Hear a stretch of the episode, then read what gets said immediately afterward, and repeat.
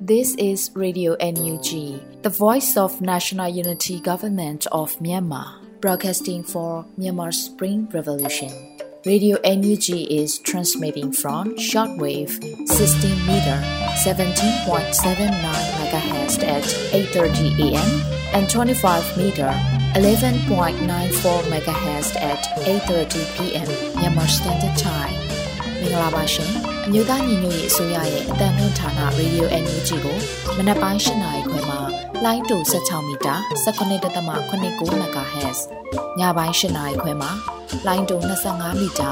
17.6 MHz တို့မှာဓာတ်ရိုက်ဖမ်းယူနိုင်စေနိုင်ပါရှင်။မင်္ဂလာအပေါင်းနဲ့ပြည့်စုံကြပါစေ။အခုချိန်ကစပြီး Radio NUG အစီအစဉ်လေးကိုဓာတ်ရိုက်အတန်လွှင့်ပေးနေပါပြီရှင်။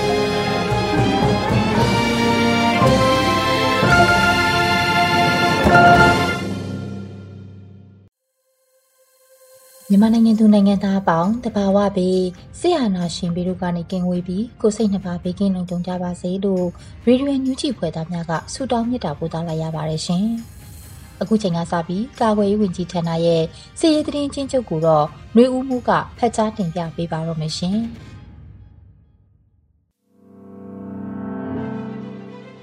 ။မင်္ဂလာပါခင်ဗျာ။ အမျိုးသားညီညွတ်ရေးအစိုးရကာကွယ်ရေးဝန်ကြီးဌာနမှထုတ်ဝေသောနေ့စဉ်စည်ရေးသတင်းအကျဉ်းချုပ်များကိုတင်ပြသွားပါမယ်။ယနေ့တနင်္ဂနွေလုံးအတိုင်းအတာအနေနဲ့ရန်သူတပ်သား၄ဦးသေဆုံးပြီးရန်သူတပ်သား2ဦးဒဏ်ရာရရှိခဲ့ပါတယ်။အာနာသိန်းအကြမ်းဖက်စစ်တပ်နဲ့တိုက်ပွဲဖြစ်ပွားမှုများကိုဥစွာတင်ပြပေးပါမယ်။မန္တလေးတိုင်းတွင်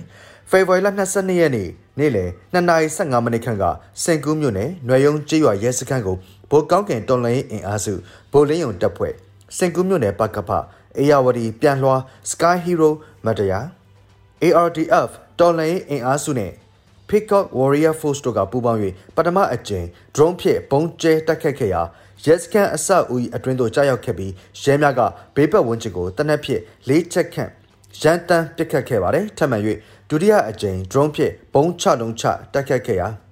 ရဲ၃ဦးတေဆုံး၍၂ဦးပြင်းထန်စွာဒဏ်ရာရရှိခဲ့ပြီးစေယုံတို့ပို့ဆောင်လိုက်ရကအဆောက်အဦမှာလည်းပျက်စီးခဲ့ပါတယ်။ ဖေဖော်ဝါရီလ22ရက်နေ့မနက်9:00နာရီခန့်ကမြင်းချံမြို့နယ်ရတာရွာရှိစစ်တပ်ခန့်အုပ်ချုပ်ရေးမှူးတင်ကြိုင်နှင့်၎င်းတို့၏ဇနီးတို့ကိုလူကျန်းကြီးများအဖွဲ့နှင့်ဘိုးဆက်က MG PDF တို့ကပူးပေါင်း၍ပြစ်ခတ်တက်ခတ်ခဲ့ရာတင်ကြိုင်ဘက်ကပြန်လည်ပြစ်ခတ်မှုကြောင့်ပြည်သူရဲဘော်တအူးကြဆုံးခဲ့ပြီးတင်ကြိုင်တိတ်ဆုံးခဲ့ကပစ္စတိုတက်လက်နှင့်ကြေဘူးနှစ်ဘူးတို့တင်ဆက်ရမိခဲ့ပါတယ်ခင်ဗျာဆက်လက်ပြီးအာနာတင်အကြံပတ်စစ်တပ်ကျွလွန်သောရာဇဝတ်မှုများကိုတင်ပြသွားပါမယ် ကချင်ပြည်နယ်တွင်ဖေဖော်ဝါရီလ22ရက်နေ့ည10:30မိနစ်ခန့်ကဖားကတ်မြို့နယ်စိုင်းတောင်ကျေးရွာနေစိုင်းတောင်တင်ခါလူမှုကူညီရေးအသင်းအဖွဲ့30မှကိုစန်းလင်းအောင်ကျမ်းမာရေးမကောင်းသဖြင့်စိုင်းတောင်စစ်တပ်ကုံအနည်းရှိအေယာဦးစေးဆိုင်သို့စေးသွားဝယ်စဉ်ညရဲတရင်30ကပြစ်ခတ်ခဲ့သဖြင့်ပေါင်ထုတ်ချင်းပေါက်တင်ရရရှိကဖားကတ်စေယုံသို့ပို့ဆောင်လိုက်ရကြောင်းသိရပါတယ်။မကွေးတိုင်းတွင်ဖေဖော်ဝါရီလ22ရက်နေ့နေ့လယ်တနာရီခန့်ကတရက်မြို့နယ် တောင်ပို့ကြီးရွာသို့ရန်သူတပ်ဖွဲ့ဝင်များဝင်ရောက်ခဲ့ပြီးတအိမ်စင်းတအိမ်တက်ရှာဖွေမှုများပြုလုပ်ကာဒေသခံအုပ်ချုပ်ရေးမှုကိုချိန်ချောက်ပြောဆိုမှုများပြုလုပ်ခဲ့ပါတယ်ထို့နောက်ဒေသခံပြည်သူများပိုင်ဆိုင်သောအိမ်မွေးချက်များကိုအတင်းအဓမ္မဖမ်းဆီးတပ်ဖြတ်စားတောက်ခဲ့ပြီးဒေသခံများ၏နေအိမ်အတွင်းမှငွေသား10သိန်းကျပ်နီးပါးအကြမ်းဖက်ခိုးယူခဲ့ပါတယ်မန္တလေးတိုင်းတွင်ဖေဖော်ဝါရီလ23ရက်နေ့မနက်9:20မိနစ်ခန့်ကငဆုံမြို့နယ် ဂျပန်ကျွန်းပေါ်သို့ရောက်ရှိနေသောရန်သူတပ်များကပြည်သူများရှိနိုင်ပြီးထင်သည့်နေရာများကိုလက်နက်ကြီးများဖြင့်အချက်ပေါင်းများစွာပစ်ခတ်ခဲ့ပြီးမီးရှို့ခဲ့ရာရွာရှိအင်ချေအကုံနီးပါးလောင်ကျွမ်းပြာကျခဲ့ပါတယ်။ဖေဖော်ဝါရီလ22ရက်နေ့ည10:30မိနစ်ခန့်ကမြစ်သားမြို့နယ်ကုမဲမြို့ရှိဒေသခံ၄ဦးကိုရန်သူတပ်သားများကဖမ်းဆီးသွားခဲ့ပါတယ်ခင်ဗျာ။ဟုတ်ကဲ့ပါအခုတင်ပြပေးခဲ့တာကတော့အမျိုးသားညီညွတ်ရေးအစိုးရကာကွယ်ရေးဝန်ကြီးဌာနမှထုတ်ဝေသော နေ့စဉ်စီးရီးသတင်းအချင်းချုပ်များပဲဖြစ်ပါတယ်ခင်ဗျာကျွန်တော်ຫນွေဦးမိုးပါ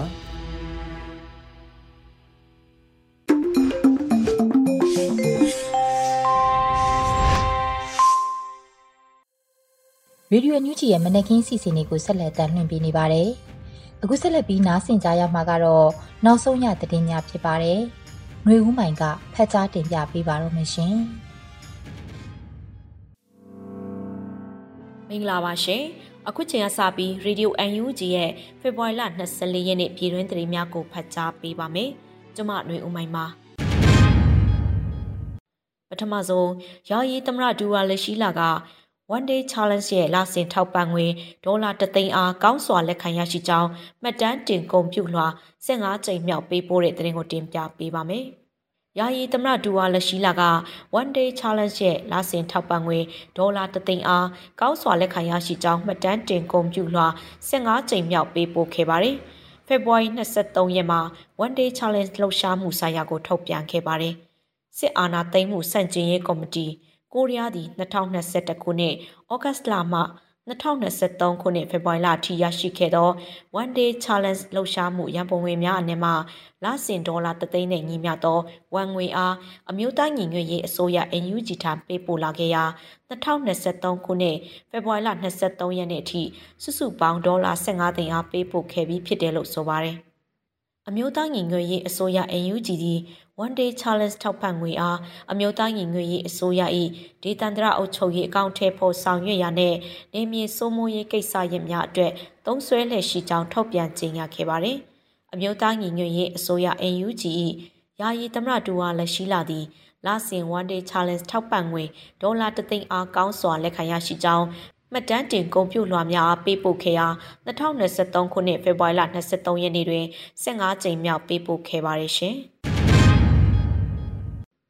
ဆက်လက်ပြီးနှွေဦးတော်လှန်ရေးဟာမကြာမီအချိန်တွင်တမိုင်းအချို့အကွေတစ်ခုခုရောက်လာတော့မှဖြစ်တယ်လို့ပြည်တော်စုဝင်ကြီးချုပ်အသိပေးပြောကြားတဲ့သတင်းကိုတင်ပြပေးပါမယ်။နှွေဦးတော်လှန်ရေးဟာမကြာမီအချိန်အတွင်းတမိုင်းအချို့အကွေတစ်ခုခုရောက်လာတော့မှဖြစ်တယ်လို့ပြည်တော်စုဝင်ကြီးချုပ်အသိပေးပြောကြားလိုက်ပါတယ်။ဖေဖော်ဝါရီ23ရက်ဂျာကာလာဒေသန္တရပြည်သူ့အုပ်ချုပ်ရေးဖော်ဆောင်မှုဗဟိုကော်မတီအစည်းအဝေးအမှတ်စဉ်ရှစ်မြင်းဆောင်2023မှာဝန်ကြီးချုပ်ကဆိုပါတယ်။ မတူကွဲပြားမှုတွေနဲ့ညီညွတ်မှုကိုအခြေခံတဲ့နှွေဦးတော်လိုင်းဟာမကြာမီအချိန်တွင်တမိုင်းအချိုးကွေတစ်ခုကိုရောက်လာတော့မှာဖြစ်ပါတယ်။ကျွန်တော်တို့အနေနဲ့ပြီးခဲ့တဲ့ပြည်သူအစိုးရလက်ထက်မှာအစိုးရတရရဲ့အခြေခါကြဆုံးတာဝန်ဖြစ်တဲ့ပြည်သူတွေကိုနိုင်ငံရေးအသည့်နဲ့ဒီမိုကရေစီရဲ့အနှစ်သာရကိုပြည်သူတိုင်းနားလေသဘောပေါက်လာအောင်စွမ်းဆောင်နိုင်ခဲ့လို့သာဒီကနေ့ຫນွေဦးတော်လှိုင်းမီအိမ်ဟာမပြတ်ထွန်းလင်းတောက်ပလက်ရှိနေတာကိုတွေ့ရမှာဖြစ်ပါတယ်လို့ဆိုပါတယ်။ ဒါအပြင်ကြားကာလဒေသန္တရပြည်သူ့အုပ်ချုပ်ရေးဖော်ဆောင်မှုမှာလည်းအုပ်ချုပ်ရေးရန်ရရဲ့အခြေခံကြဆုံးယူနစ်တွေဖြစ်တဲ့ရစ်ကြီးအုပ်ချုပ်ရေးနဲ့မြို့နယ်အဆင့်အုပ်ချုပ်ရေးစနစ်တွေကို၎င်းတို့ဘာသာရည်တည်လာနိုင်အောင်ဆောင်ရွက်ပေးချဖို့လိုအပ်မှာဖြစ်တယ်လို့ဝန်ကြီးချုပ်ကထပ်လောင်းဆိုပါရရှင်။ဆက်လက်ပြီးလိန်ပိုင်းဆိုင်ရာထိပါနှောက်ယှက်ခြင်းအမျက်ထုတ်ခြင်းနဲ့မဖွယ်မရာပြုတ်မှုခြင်းဆိုင်ရာအကာအကွယ်ပေးရင်းမူဝါဒလာမယ့်အပတ်မှာထုတ်ပြန်မယ်လို့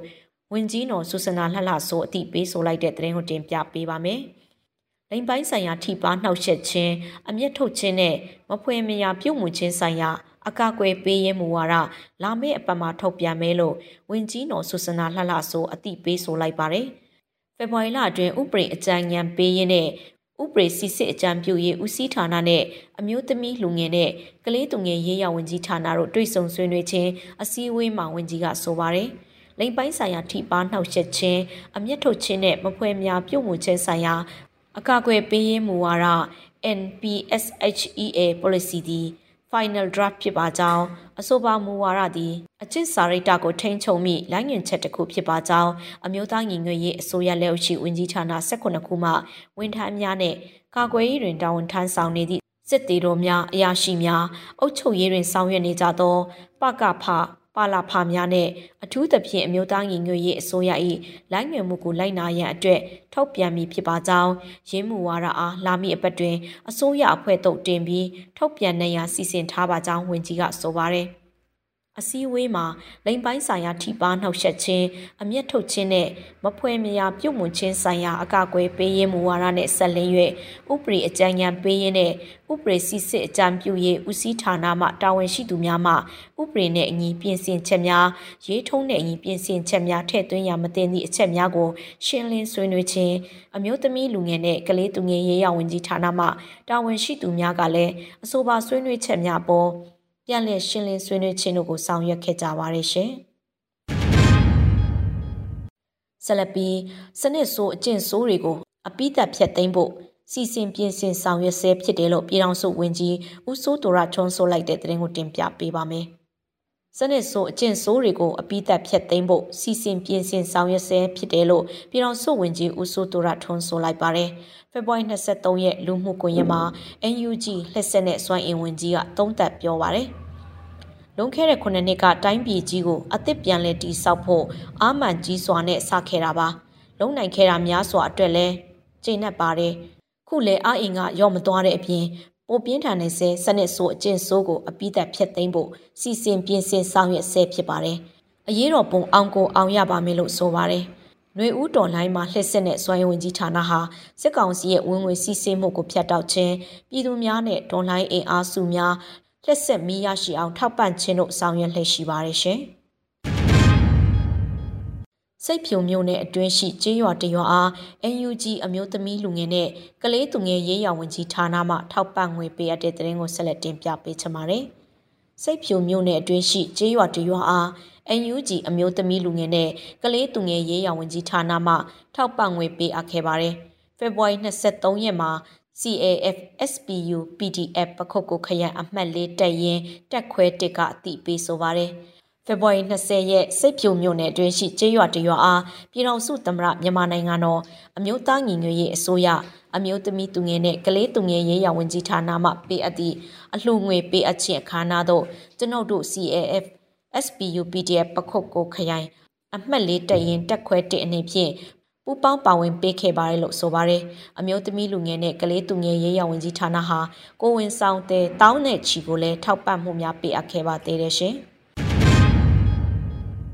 ဆက်လက်ပြီး NUG က CDM ကျမ်းမာပညာရှင်များကိုကြားကာလပြည်နယ် Federal Unit များအတွင်းရှိစေယုံစေခန်းများတွင်တာဝန်ထမ်းဆောင်နိုင်ရန်ခေါ်ယူတဲ့တင်ကိုတင်ပြပေးပါမယ်။ NUG က CDM ကျမ်းမာပညာရှင်များကိုကြားကာလပြည်နယ် Federal Unit များအတွင်းရှိစေယုံစေခန်းများတွင်တာဝန်ထမ်းဆောင်နိုင်ရန်ခေါ်ယူနေပါတယ်။အမျိုးသားညီညွတ်ရေးအစိုးရအဖွဲ့ကျန်းမာရေးဝန်ကြီးဌာနကဖေဖော်ဝါရီလ23ရက်မှာရှောက်လွှာများခေါ်ယူခဲ့ပါတယ်။အမျိုးသားညီညွတ်ရေးအစိုးရကျန်းမာရေးဝန်ကြီးဌာနနဲ့ဂျာကာလပြည်နယ်ဖက်ဒရယ်ယူနစ်များအတွင်းရှိစေယုံစေခန်းများတွင်တာဝန်ထမ်းဆောင်နိုင်ရန်တာဝန်များအတွက်ရှောက်လွှာတင်သွင်းနေပါတယ်လို့ဖော်ပြထားပါတယ်။ 2023ခုနှစ်ဖေဖော်ဝါရီလ23ရက်နေ့မှမတ်လ16ရက်နေ့အတွင်းလျှောက်ထားရမည့်ရာထူးနေရာများမှာ၁အထူးကုဆရာဝန်များ၂ဆရာဝန်များ၃သွားနှင့်ခရွန်းအထူးကုဆရာဝန်များ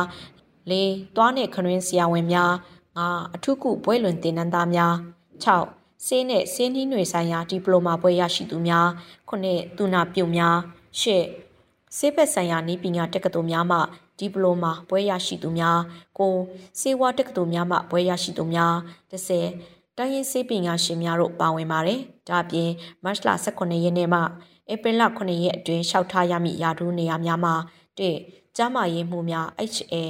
နှင့်အမျိုးသမီးကျန်းမာရေးဆရာမများ LHV ၃တားဖွားဆရာမများ midwife ၄ပြည်သူ့ကျန်းမာရေးကြီးကြပ်တဲ့များ PHS1 ငါပြည်သူ့ကျန်းမာရေးကြီးကြပ်နှစ်များ PHS2 တို့ပါဝင်ပါတယ်။ရှောက်ထားသူဟာပြည်ထောင်စုမြန်မာနိုင်ငံဖွားဖြစ်ရမည်ဖြစ်ပြီးကျန်းမာရေးကောင်းမွန်သူနိုင်ငံဝန်ထမ်းဖြစ်ပါကစီဒီအန်ဝန်ထမ်းအကြမ်းဖက်စစ်ကောင်စီနဲ့ပတ်သက်မှုမရှိသူဖြစ်ရမယ်လို့ဖော်ပြထားပါတယ်ရှင်။ဆက်လက်ပြီး Early Partnership Program ရဲ့မိုးကုတ်လုပ်ကွက်များတွေကသူရိန်တောင်တွင်ရင်းနှီးမြှုပ်နှံနိုင်သောစုစုပေါင်းလုပ်ကွက်6ကွက်အားမိတ်ဆက်ပေးတဲ့တဲ့ရင်ကိုတင်ပြပေးပါမယ်။ Early Partnership Program ရဲ့မိုးကုတ်လုပ်ကွက်များတွေကသူရိန်တောင်တွင်ရင်းနှီးမြှုပ်နှံနိုင်သောစုစုပေါင်းလုပ်ကွက်6ကွက်အားမိတ်ဆက်လိုက်ပါတယ်။ဖေဖော်ဝါရီ23ရက်မှာ AUG ရဲ့ Early Partnership Program ကအတည်ပြုဖော်ပြပါတယ်။သူရိန်တောင်လုပ်ကွက်သည်နာမည်ကျော်690ကာရက်ရှိနီလာအစုဝေးထွက်ရှိခဲ့သည့်လုပ်ကွက်ဖြစ်ပါတယ်။အဖိုးတန်ကြောင့်မြရနာများသည့်တူရင်တောင်ဝင်းကျင်တွင်ပြန့်ကျဲစွာတည်ရှိပါတယ်။ တူရင်တောင်တွင်ရင်းနှီးမြုပ်နှံနိုင်သောစုစုပေါင်းလုပ်ကွက်6ကွက်အားဖော်ထုတ်ပေးထားပါတယ်။ကြောက်မြတ်ထုတ်လုပ်ခွင့်ကာလမှာလုပ်ငန်းစတင်ချိန်မှ10နှစ်ဖြစ်ပါတယ်လို့ဆိုပါတယ်။တူရင်တောင်အနောက်ဘက်ပိုင်းတွင်အရေးသွေးအမြင့်ဆုံးနီလာများနဲ့ရောင်စုံနီလာများအပြာရောင်တန်းသည့်အစိမ်းရောင်နီလာရောင်ပြောင်းနီလာနဲ့ပိန်းနိုင်ကြောင်မျက်လုံးပိန်းနိုင်ပုံဆောင်ခဲနဲ့ဗက်တလီရိုက်ပုံဆောင်ခဲများကဲ့သို့သောအခြားအဖို့တန်ကြောက်မြက်ရင်ရာများကိုတွေ့ရှိရပါတယ်။လောက်ကများတွင်ရင်းနှီးမြှုပ်နှံလို့သူများ www.earlypartnership.org flat booking တွင်ဝင်ရောက်စာရင်းသွင်းနိုင်တယ်လို့သိရပါတယ်ရှင်။ဆက်လက်ပြီးရေစကြိုမြို့နယ်258တပ်ထဲမှအင်စီကား3စီးအပြည့်ဖြင့်စစ်ကောင်စီတပ်များလိုက်ပါလာစဉ်မိုင်းဆွဲတိုက်ခိုက်တဲ့တဲ့ရင်ကိုတင်ပြပေးပါမယ်။ရေစကြိုမြို့နယ်258တပ်ထဲမှအင်စီကား3စီးအပြည့်ဖြင့်စစ်ကောင်စီတပ်များလိုက်ပါလာစဉ်မိုင်းဆွဲတိုက်ခိုက်ခဲ့လို့တင်ရရှိပါရယ်။ ဖေဖော်ဝါရီ23ရက်မှာစစ်ရေးတရင်ကိုပြည်သူ့ကာကွယ်တပ်ဖွဲ့ရေစကြိုကအတည်ပြုဆိုပါရယ်။ရေစကြိုမြို့နယ်258တပ်ထဲမှအိမ်စီကား၄၃စီးအပြည့်ဖြင့်မြို့ထဲသို့ဝင်လာသောစစ်ကောင်စီတပ်များအားမြို့အပြင်စိုက်ပျိုးရေးခြံနာအရောက်တွင်ပရိသတ်၃လုံးတွဲနှစ်ဆိုင်ဖြင့်တိုက်ခိုက်ခဲ့ပါလို့ဆိုပါတယ်။မိုင်းထီ၍ကားနှစ်စီးမှနေရာတွင်ထိုးရက်ပျက်စီးသွားပြီးစစ်ကောင်စီတပ်များအထိခိုက်ကြဆုံအားဆက်လက်စုံစမ်းလက်ရှိပါတယ်။ ပြည်သူ့ကာကွယ်ရဲဘော်များအထိခိုက်မရှိပြန်လည်ဆုတ်ခွာနိုင်ခဲ့ပါတယ်ရှင်။မိုးကုတ်မြို့အနောက်ပိုင်းကသေးရက်ွက်ရှိစစ်ကောင်စီတပ်စိတ်တစိတ်လုံခြုံရေးချထားသောကသေးအုပ်စုအထွေထွေအုပ်ချုပ်ရေးရုံးသို့ပြည်သူ့ကာကွယ်တပ်ဖွဲ့များတိုက်ခိုက်၍စစ်ကောင်စီဖက်မှ၄ယောက်သေပြီး၂ယောက်ဒဏ်ရာရရှိခဲ့တဲ့တဲ့ရင်ကိုနောက်ဆုံးတင်ပြပေးချင်ပါတယ်။ မိုးကုတ်မြို့အနောက်ပိုင်းကသေးရက်ွက်ရှိစစ်ကောင်စီတပ်စိတ်တစိတ်လုံခြုံရေးချထားသောကသေးအုပ်စုအထွေထွေအုပ်ချုပ်ရေးရုံးသို့ပြည်သူ့ကာကွယ်တပ်ဖွဲ့များတိုက်ခိုက်ခဲ့လို့တင်ရရှိပါတယ်။ဖေဖော်ဝါရီ23ရက်မနက်9:40အချိန်တွင်မိုးကုတ်မြို့အနောက်ပိုင်းကသေးရက်ွက်ရှိစစ်ကောင်စီတပ်စိတ်တစိတ်လုံခြုံရေးချထားသောကသေးအုပ်စုအထွေထွေအုပ်ချုပ်ရေးရုံးကိုပြစ်ခတ်ခဲ့လို့ Red Wolf of Moko ကအတည်ပြုဆိုပါတယ်။ ဖေဖော်ဝါရီ23ရက်မနက်9:40အချိန်တွင်မိုးကုတ်မြို့နောက်ပိုင်းကသေးရက်ွက်ရှိစက်ကောင်စီတပ်စိတ်တစိတ်လုံခြုံရေးချထားသောကသေးအုပ်စုအထွေထွေအုပ်ချုပ်ရေးရုံးသို့ပြည်သူ့ကာကွယ်တပ်မတော် တပ်ရင်း1221 Red Wolf of Moko နဲ့တပ်ရင်း1223တို့ပူးပေါင်းစစ်စင်ရေးဖွဲ့သည်79လက်ထောက်ဖြင့်ပြစ်ခတ်တိုက်ခိုက်ခဲ့ပါတယ်လို့ဆိုပါတယ်။ထို့နောက်လက်နက်ငယ်များဖြင့်9မိနစ်ကြာအောင်အပြန်အလှန်ပြစ်ခတ်မှုဖြစ်ပွားခဲ့ပြီးကာကွယ်ရဲဘော်များထိခိုက်မှုမရှိပြန်လည်ဆုတ်ခွာနိုင်ခဲ့ပါတယ်။တိုက်ခိုက်မှုကြောင့်နေရန်ပေါက်ရုံးအမိုးပွင့်ထွက်ခဲ့ပြီးစစ်ကောင်စီဖက်မှ၄ယောက်သေပြီး၂ယောက်ဒဏ်ရာရရှိခဲ့သည်ဟုကနဦးတရင်ရရှိပါရရှင်။ အခုတင်ပြခဲ့တဲ့သတင်းတွေကို Radio UNG သတင်းထောက်မင်းမင်းကပေးပို့ထားတာဖြစ်ပါတယ်ရှင်။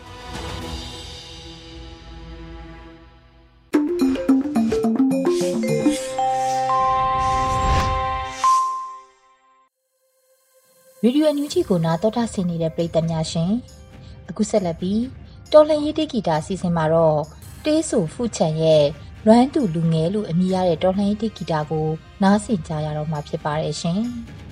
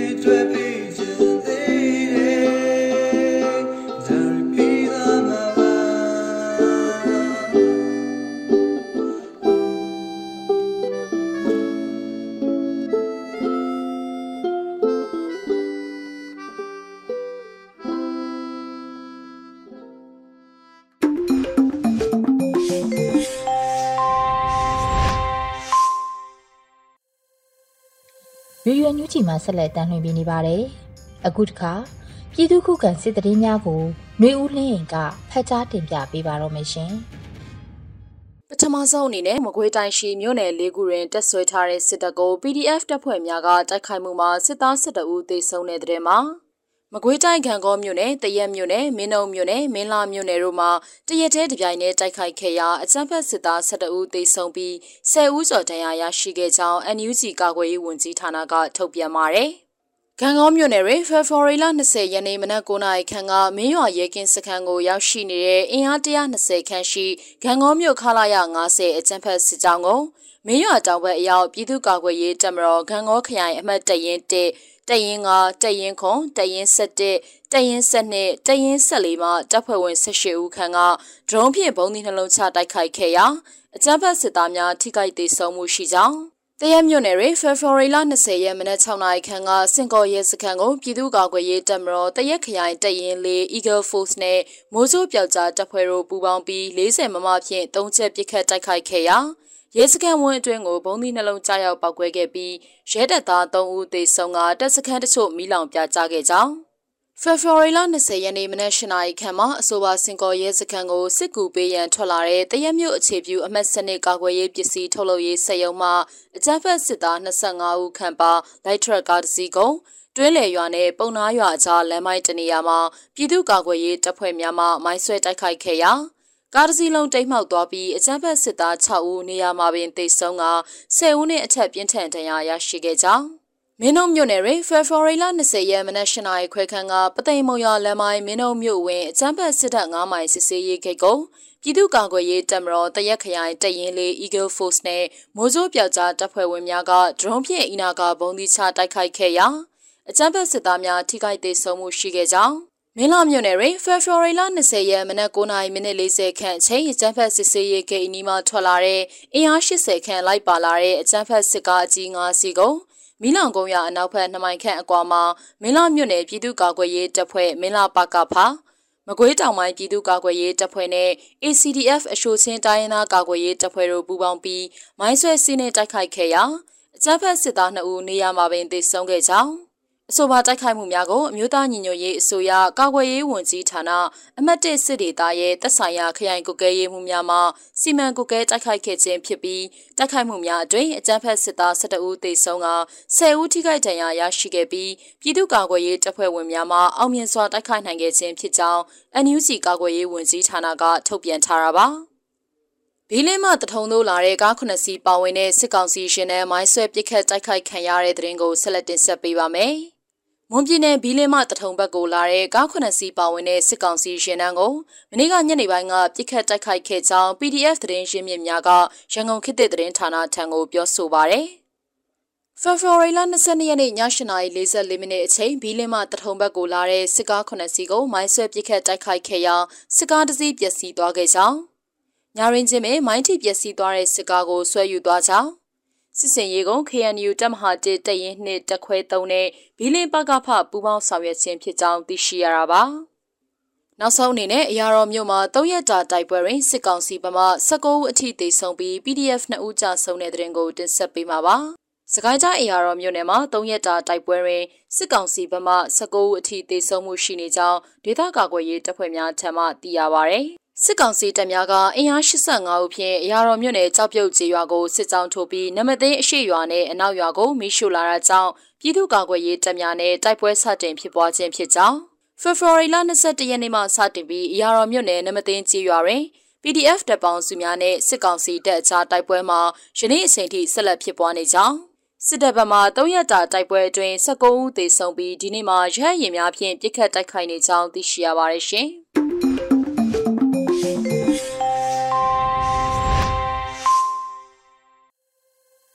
ဗီဒီယိုညူချီပရိသတ်တွေအတွက်ကူးဆက်လက်ပြီးထုတ်လွှင့်ပေးမယ့်အစီအစဉ်ကတော့ PPTV ရဲ့နေ့စဉ်သတင်းများဖြစ်ပါတယ်။ Rain ကဖတ်ကြားတင်ပြပေးပါမယ်ရှင်။အခုချိန်ကစပြီး PPTV သတင်းတွေကိုတင်ဆက်ပေးပါတော့မယ်။ကျွန်မ Rain ပါ။ပထမဆုံးတင်ဆက်မှာကအကြမ်းဖက်စစ်ကောင်စီရဲ့အပြစ်မဲ့ပြည်သူတွေအပေါ်အကြမ်းဖက်လုပ်ရက်တွေကိုအမျိုးသားညွရေးအစိုးရထုတ်ပြန်တဲ့သတင်းမှာ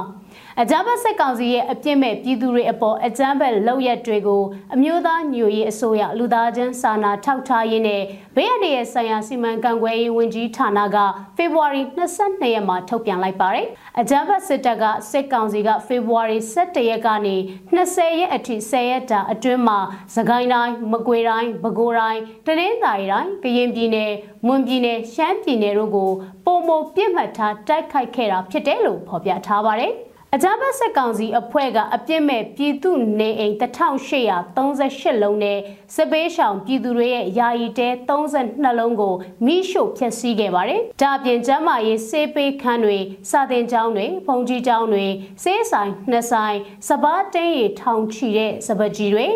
ရက်ကန်းယုံတွေရက်ကန်းဆက်တွေအပြင်ဆန်ဆက်များအားမိရှို့ဖျက်ဆီးခဲ့တာပါ။ ဟောင်ဝိဇာအမြောက်တွေအသုံးပြုပြီးတော့ရန်တမ်းပစ်ခတ်တာဝဟင်ကနေဂျက်တိုက်လေယာဉ်တွေအသုံးပြုပြီးတော့ဘုံကျဲတိုက်ခိုက်တာတွေလည်းပြုလုပ်ခဲ့တယ်လို့ဖော်ပြထားပါတယ်။အဲဒီဘုံကျဲတိုက်ခိုက်မှုကြောင့်အပြစ်မဲ့ပြည်သူ6ဦးသေဆုံးပြီးအပြစ်မဲ့ပြည်သူ12ဦးတန်ကာတော်တပားနဲ့ကိုရင်နှစ်ပါးတို့ထိခိုက်ဒဏ်ရာရခဲ့ကြပါတယ်။ အကြမ်းဖက်စစ်တပ်ကဂျေးရွာတွေအတွင်းကိုဝင်ရောက်စီးနှင်းက CDM ကျောင်းဆရာအပါအဝင်အပြစ်မဲ့ပြည်သူ9ဦးကိုတပ်ဖြတ်ပြီးအသက်80အရွယ်တီလာရှင်တပားကိုလည်းမိရှို့တပ်ဖြတ်ခဲ့ပါသေးတယ်။လူသားတိုင်းကအဖြစ်အပြစ်မဲ့ပြည်သူ28ဦးဒဏ်ကာတော်နှစ်ပါးတို့ကိုဖမ်းဆီးခေါ်ဆောင်သွားတဲ့အပြင်ပြည်သူပိုင်အဖိုးတန်ပစ္စည်းတွေခိုးယူတာ အိမ်မွေးတရိษံတွေကိုတပ်ဖြတ်တာယူဆောင်သွားတာစတဲ့ပြစ်မှုတွေကိုဆက်လက်ကျူးလွန်လျက်ရှိနေတယ်လို့မြေပြင်သတင်းအရင်းမြစ်တွေအရသိရပါတယ်။အကြမ်းဖက်စစ်ကောင်စီရဲ့လူသားမဆန်တဲ့ရက်ဆက်ကြမ်းကြုတ်တဲ့လုပ်ရက်တွေကြောင့်ဘေးလွတ်နိုင်မဲ့နေရာတွေနဲ့တောတောင်တွေကိုထွက်ပြေးတိမ်းရှောင်နေထိုင်ကြရပါတယ်။လူသားချင်းစာနာထောက်ထားရေးနဲ့ပြည်ရတဲ့ဆိုင်ရာစီမံခန့်ခွဲရေးဝန်ကြီးဌာနက အရေးပေါ်လိုအပ်နေတဲ့ပြည်သူတွေအတွက်လူသားချင်းစာနာမှုအကူအညီတွေအမြန်ဆုံးပံ့ပိုးနိုင်ရေးအတွက်သက်ဆိုင်ရာမြို့နယ်ပြည်သူ့အုပ်ချုပ်ရေးအဖွဲ့တွေဒေါ်လာရင်းအင်အားစုတွေနဲ့အတူအချိန်နဲ့တပြေးညီလက်တွဲဆောင်ရွက်လျက်ရှိတယ်လို့သိရပါတယ်။ ဒါပြင်နိုင်ငံတကာကလူသားချင်းစာနာထောက်ထားမှုအကူအညီတွေအပြည့်အဝရရှိနိုင်ရေးတို့ကိုလည်းချိတ်ဆက်ဆောင်ရွက်နေတယ်လို့ထုတ်ပြန်ချက်မှာဖော်ပြထားပါတယ်။အကြမ်းဖက်စစ်ကောင်စီကနိုင်ငံတော်အာဏာကိုမတရားလူယူခဲ့တဲ့နေ့ကနေစပြီးလူသားချင်းစာနာထောက်ထားမှုဆိုင်ရာနိုင်ငံတကာဥပဒေများကိုချိုးဖောက်ပြီးပြည်သူလူထုတရက်လုံးအပေါ်လူအခွင့်အရေးချိုးဖောက်ကျူးလွန်မှုများ ကျေးရွာများအားရွာလုံးကျွတ်မိရှုဖျက်ဆီးမှုတွေပြုလုပ်ခဲ့တာပါ။ဒါပြင်ပြည်သူရဲ့အသက်အိုးအိမ်စီးစိမ်တို့ကိုတပ်ဖြတ်လူရဲ့ဖျက်ဆီးကနှီးမျိုးစုံတုံးပြီးလူသားမဆန်တဲ့လုပ်ရက်တွေကိုဆက်လက်ကျူးလွန်လျက်ရှိပါတယ်။ဒီကနေ့ကတော့ဒီညနဲ့ပဲ Radio NUG ရဲ့အစီအစဉ်လေးကိုခਿੱတရနာလိုက်ပါမယ်ရှင်။ မြမစံတော်ချိန်မနက်၈နာရီခွဲနဲ့ည၈နာရီခွဲအချိန်တွေမှာပြန်လည်ဆုံတွေ့ကြပါစို့။ Radio NUG ကိုမနက်ပိုင်း၈နာရီခွဲမှာလိုင်းတူ16မီတာ19.89 MHz ညပိုင်း8နာရီခွဲမှာလိုင်းတူ25မီတာ17.6 MHz တို့မှာဓာတ်ရိုက်ဖမ်းလို့နိုင်စေနိုင်ပါပြီ။မြန်မာနိုင်ငံသူနိုင်ငံသားတွေကိုစိတ်နှပြကျန်းမာချမ်းသာလို့ဘေးကင်းလုံခြုံကြပါစေလို့ Radio NUG အဖွဲ့သူဖွဲ့သားတွေကဆုတောင်းမေတ္တာပို့တာလိုက်ရပါတယ်ရှင်။အ မျိုးသားညီညွတ်ရေးအစိုးရရဲ့စက်သွေးရေးသတင်းအချက်အလက်နဲ့ဝိပညာဝန်ကြီးဌာနကထုတ်လွှင့်နေတဲ့ Radio NUG ဖြစ်ပါတယ်။ San Francisco Bay Area အခြေစိုက်မြန်မာမိသားစုတွေနဲ့နိုင်ငံတကာကစေတနာရှင်လို့အားပေးနေတဲ့ Radio NUG ဖြစ်ပါတယ်။အရေးတော်ပုံအောင်ရမည်